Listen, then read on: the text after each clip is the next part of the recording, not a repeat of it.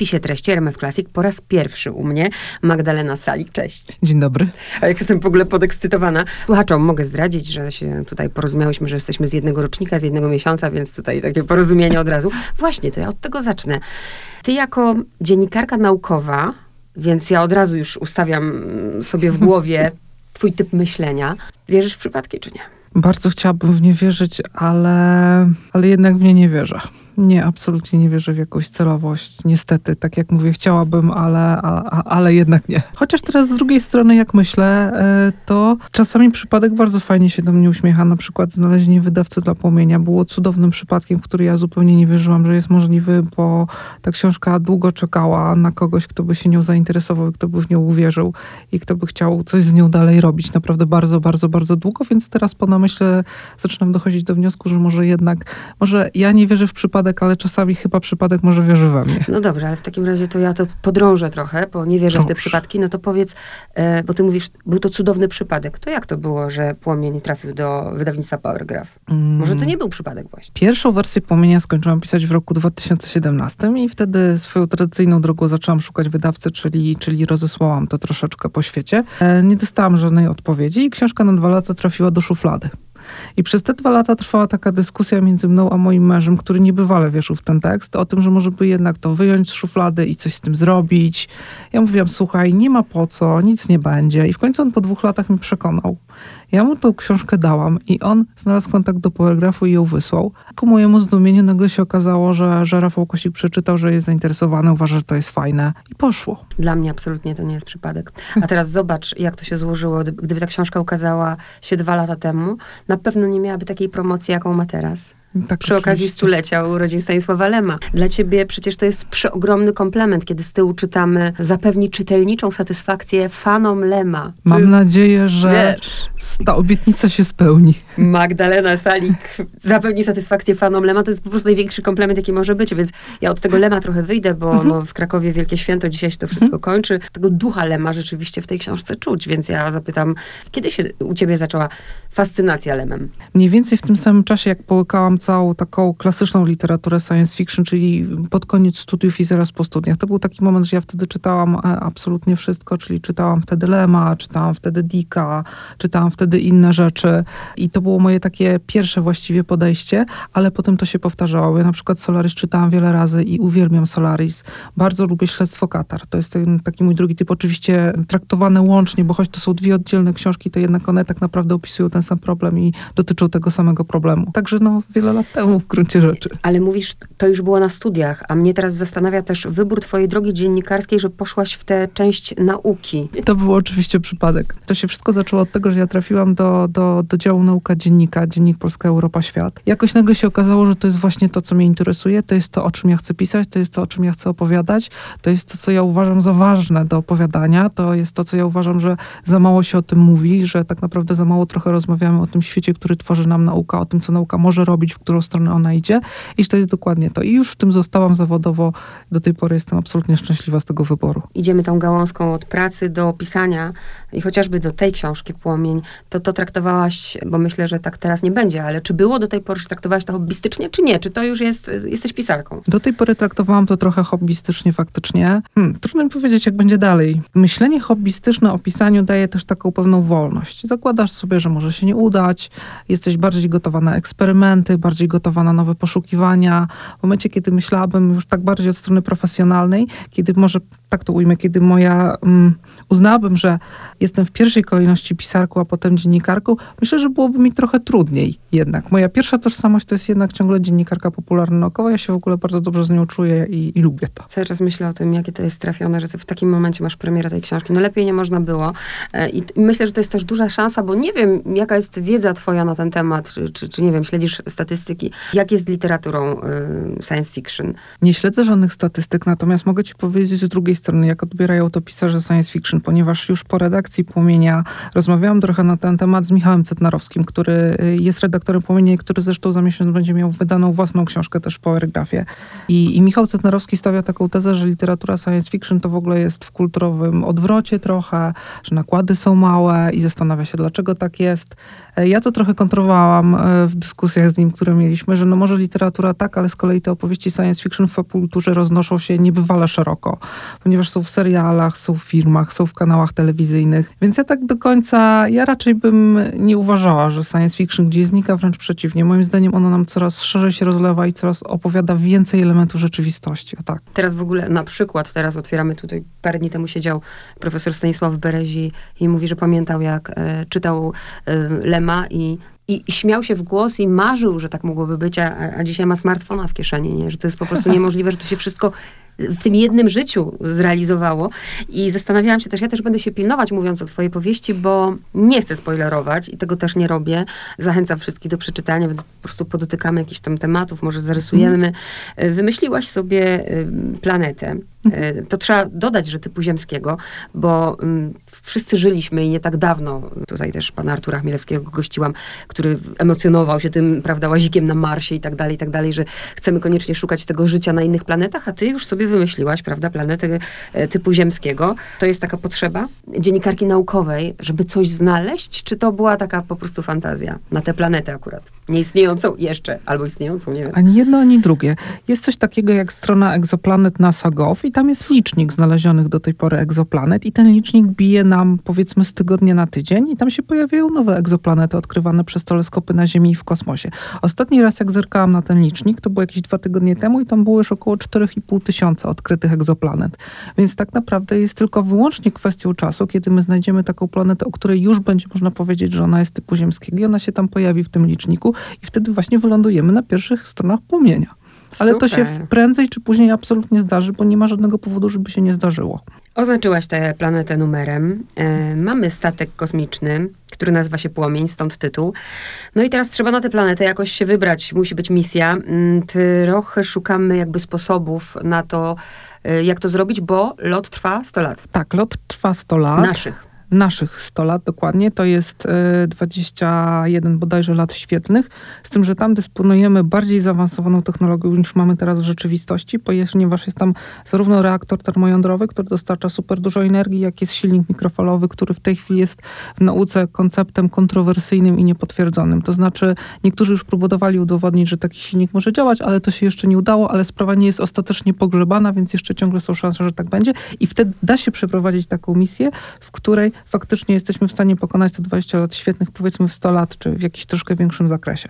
Miałabym ochotę zapytać, co jest science. No właśnie, bo y, umieściłaś tutaj postaci rzeczywiste, naukowców, tak? Tak. Jedną z rzeczywistych postaci, do której odnosi się główna bohaterka, czyli Evelyn, jest Jonathan Haidt, psycholog moralności. U nas w Polsce wyszedł na przykład Prawy Umysł, jego bardzo fajna książka i Evelyn się dokładnie odnosi do koncepcji intuicji moralnych opisanej w tej książce, w tym, że ona o niej oczywiście mówi o koncepcji mm -hmm. klasycznej. E, więc to jest jeden, ten, e, jeden z naukowców.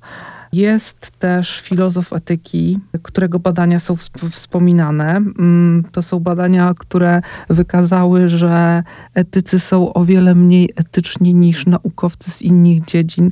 I na przykład to się okazywało po tym, ile ginie książek z jakich dziedzin z bibliotek uniwersyteckich. Otóż książki o etyce giną częściej, wypożyczane przez etyków. E, więc to jest drugi rzeczywisty naukowiec. Oprócz tego mm, naukowcy pojawiają się w takich y, powiedzmy bardziej pobocznych wątkach, na przykład nazwisko głównej bohaterki, Kari Katalin. Imię Katalin jest od Katalin Kariko, czyli węgierskiej biochemiczki, która stworzyła, powiedzmy upraszczając, e, pewne istotne podstawy szczepionek mRNA, które właśnie nas uratowały z pandemii. Nam, laikom, po prostu tak pięknie opakowałaś e, wiedzę właśnie, e, którą możemy przyswoić taki sposób. To jest w ogóle super sprawa i super zabawa. Ja sobie niektóre oczywiście osoby posprawdzałam, e, a jak czytałam o tym, e, ten fragment, o którym ty właśnie mówisz, o tym, że giną te podręczniki z etyki, to po prostu zatrzymałam się i miałam, i miałam taki prawda. wewnętrzny krzyk w sobie, ale nie, ale jak w ogóle, nie? To prawda. Ale... Były takie badania. O, straszne. A twoi bohaterowie główni, bo właściwie główną bohaterką jest Ewelin, ale można powiedzieć, że mm, takim przy niej jest Thousand, y, to mhm. ich sobie wykreowałaś, zmyśliłaś, czy posklejałaś sobie ich skądś? Absolutnie ich wykreowałam i zmyśliłam. A czemu zrobiłaś Thousanda rudym? A dlaczego nie? Bo byłam właśnie, czytam jego, nie wiem dlaczego, jak zaczęłam go czytać, I zaczęłam, wiesz, jak on stoi przed tym lustrem i tak dalej, sobie go wyobraziłam jak takiego Bonda, nie? Nie, nie mam pojęcia dlaczego. I potem opisujesz ten jego wygląd i, i ten rudy mi tak jakoś w ogóle nie pasował. Przepraszam. Nie, ale wiesz, wiesz kogo sobie podstawiłam, bo czytelnik robi... Tak, wizualizuję. Przypomnij mi tego naukowca, który zamordował dziennikarkę. Tego Więc wiem, o kim mówisz, No, ale nie przypomnę no. ci. I Mhm. właśnie niestety y, nie wiem dlaczego. Od razu jak przeczytałam ten opis i jego zobaczyłam i się wystraszyłam. Teraz nie umiem Albert nie ma morderczych skłonności, od razu powiem. On ma wielkie ambicje kolonizacyjne. Najciekawszą dla mnie bohaterką jest właśnie Evelyn, bo tak naprawdę chyba mnie też w literaturze science fiction to najbardziej interesuje i z tego co widzę ciebie też, czyli owszem, y, nowinki techniczne nowinkami technicznymi, ale jednak człowiek jest na pierwszym miejscu. Absolutnie, człowiek jest na pierwszym miejscu. Projektując tą książkę, myśląc o niej, jak ona powinna wyglądać, ja bardzo się starałam, żeby tego elementu science fiction nie było w niej za dużo, albo nawet, żeby było w niej tak mało, jak to konieczne do opowiedzenia historii. Natomiast, żeby też było dużo prawdziwych teorii naukowych i żeby ta książka była trochę taką powieścią popularno-naukową de facto, bardziej niż science fiction. Pamiętam, jak miałam pierwszą rozmowę z Rafałem Kosikiem na temat płomienia, to Rafał mnie e, zaskoczył takim pytaniem z biodra, a ty mi powiedz, jaki to jest gatunek? Czy to jest na pewno science fiction? A ja wtedy powiedziałam, słuchaj, ja myślę o tym, jak, że to jest powieść popularno-naukowa.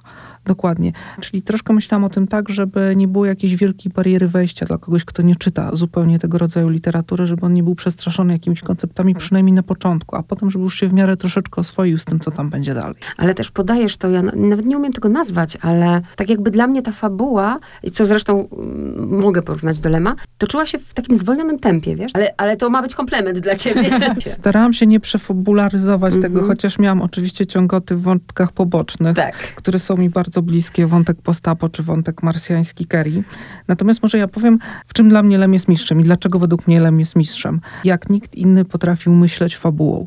Fabuła u Lema nie służy e, fajerwerkom, nie służy efektom, nie służy pokazaniu jakichś wymyślonych teorii naukowych albo nie służy popisowi wiedzy. Ona służy do tego, żeby opracować jakaś, jakąś myśl, która jest w książce i to jest jedna rzecz, a druga rzecz, że to jest myśl bardzo wysokiej jakości naprawdę. To są sprawy głęboko przemyślane, zniuansowane, pogłębione i to jest absolutne mistrzostwo Lema. Moim zdaniem do Lema w tym się nikt nie zbliżył, bo inni pisarze SF szli efektami często, szli pomysłami, czasami fantastycznymi, rewelacyjnymi. Ja na przykład uwielbiam Dicka, uwielbiam światy Dicka, ale w tych światach jednak ta myśl jest troszkę inna niż u Lema. Mhm. Czy masz taką wiedzę, mm, bo siedzisz w tej działce, e, jak to wygląda naprawdę, e, na ile możemy to przełożyć na rzeczywistość, mianowicie to, co dla Ewelin jest ważne, bo ona jako jedyna nie kieruje nią, e, zresztą tak jak mówi Tausen, prawda, odwaga, ambicja, e, parcie do przodu, tylko właśnie to zastanawianie się nad tym, w którym punkcie jesteśmy, szukanie tego odniesienia do naszej rzeczywistości, do tego, co moralne, co dobre, co złe. Czy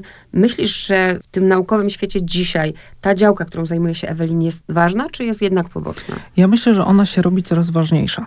Dzisiaj prowadziłam debatę na bombie megabitowej, y, czy technologia nas zbawi i tam się pojawił bardzo mocno taki wątek, że myśmy, że my powinniśmy zwolnić z rozwojem technologii, że powinniśmy się zatrzymywać częściej, że powinniśmy jednak rozważać to, co się dzieje, to, co możemy zrobić, bardziej myśleć o implikacjach rozwiązań technologicznych, które wprowadzamy, czyli nie pędzić od apki do apki i, i od nowej możliwości do nowej możliwości, tylko dać sobie jakiś taki czas, żeby to wszystko wsiąkło w nasze życie, czy też społeczeństwo i żeby ocenić tego skutki. Więc myślę, że tak, że to się pojawia coraz częściej i mam nadzieję, że jeszcze będzie bardziej mocniej działało. A teraz wracając do tej rzeczywistości niepowieściowej, ale ty oczywiście, tak jak powiedziałaś, to jest książka popularno-naukowa, więc to mapowanie mózgu się tutaj pojawia i się zastanawiam, to mam nadzieję daleka droga. Bardzo daleka No to droga. dobrze, to mnie Bardzo, absolutnie daleka droga.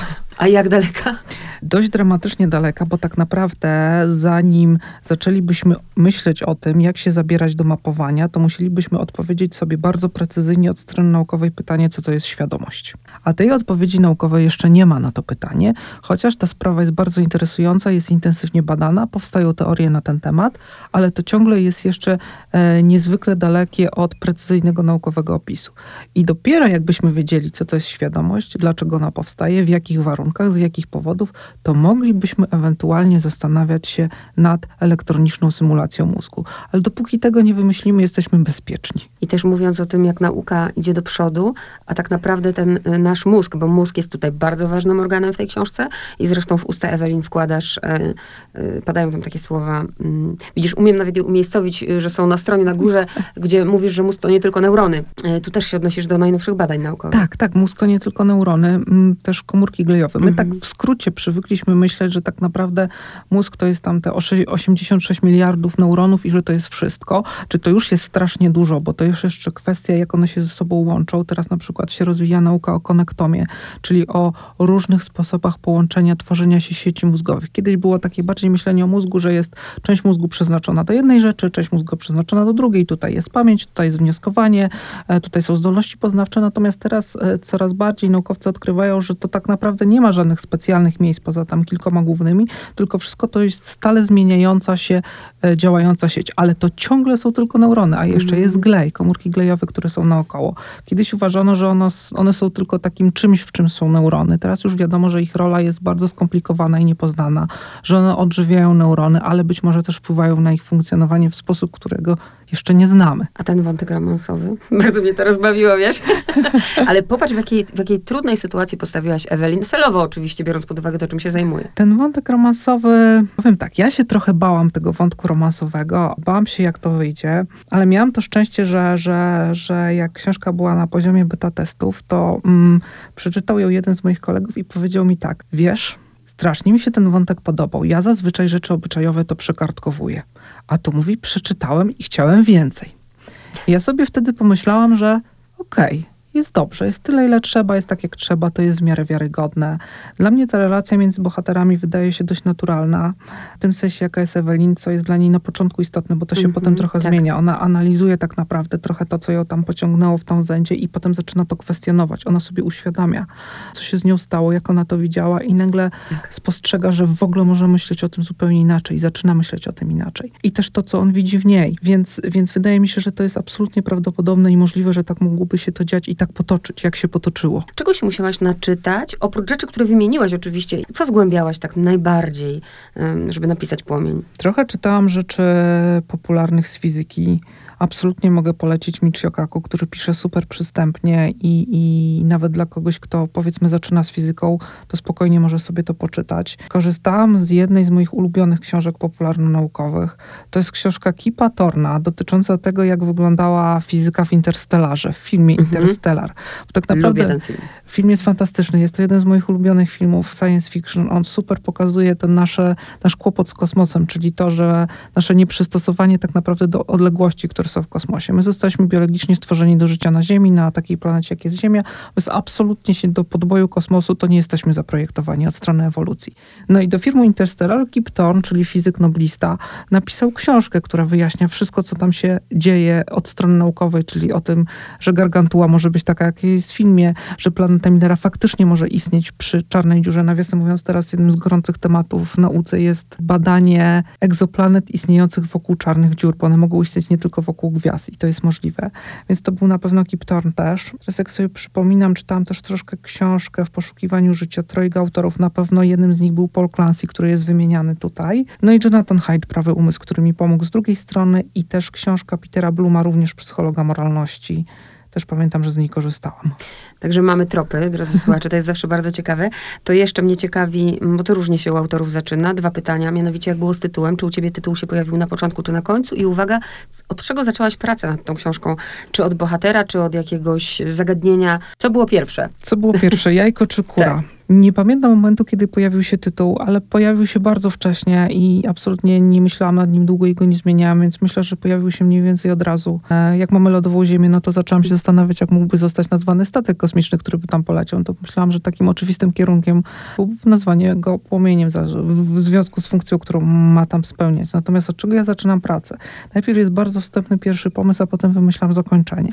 I jak mam wymyślone zakończenie, to wtedy mogę zaczynać pisać i to zakończenie muszę mieć wymyślone bardzo dokładnie i bardzo precyzyjnie. To znaczy, to nie jest tak, że na zasadzie, a skończy się tak, tak i tak, tylko ja to sobie opowiadam w głowie scena po scenie, zdanie po zdaniu niemal. I jak jestem już do tego przekonana po obejrzeniu tego w głowie powiedzmy 3 do 5 razy i to nadal mnie kusi i uważam, że warto iść w tą stronę, to wtedy mogę zaczynać. No minęło trochę czasu od premiery, ale nie za dużo, no więc z jakim odbiorem się spotykasz? Pozytywnym? Na razie się spotykam z bardzo pozytywnym odbiorem, e, z czego się bardzo cieszę, bo ja się trochę bałam, czy ta książka nie będzie za bardzo pomiędzy mhm. science fiction i, i głównym nurtem, w związku z tym, czy nie trafi do nikogo ale z tego, co już widzę, jest interesująca i dla jednych, i dla drugich. Przy tym każdy spogląda na nią trochę inaczej. Każdy pyta mnie o inne rzeczy.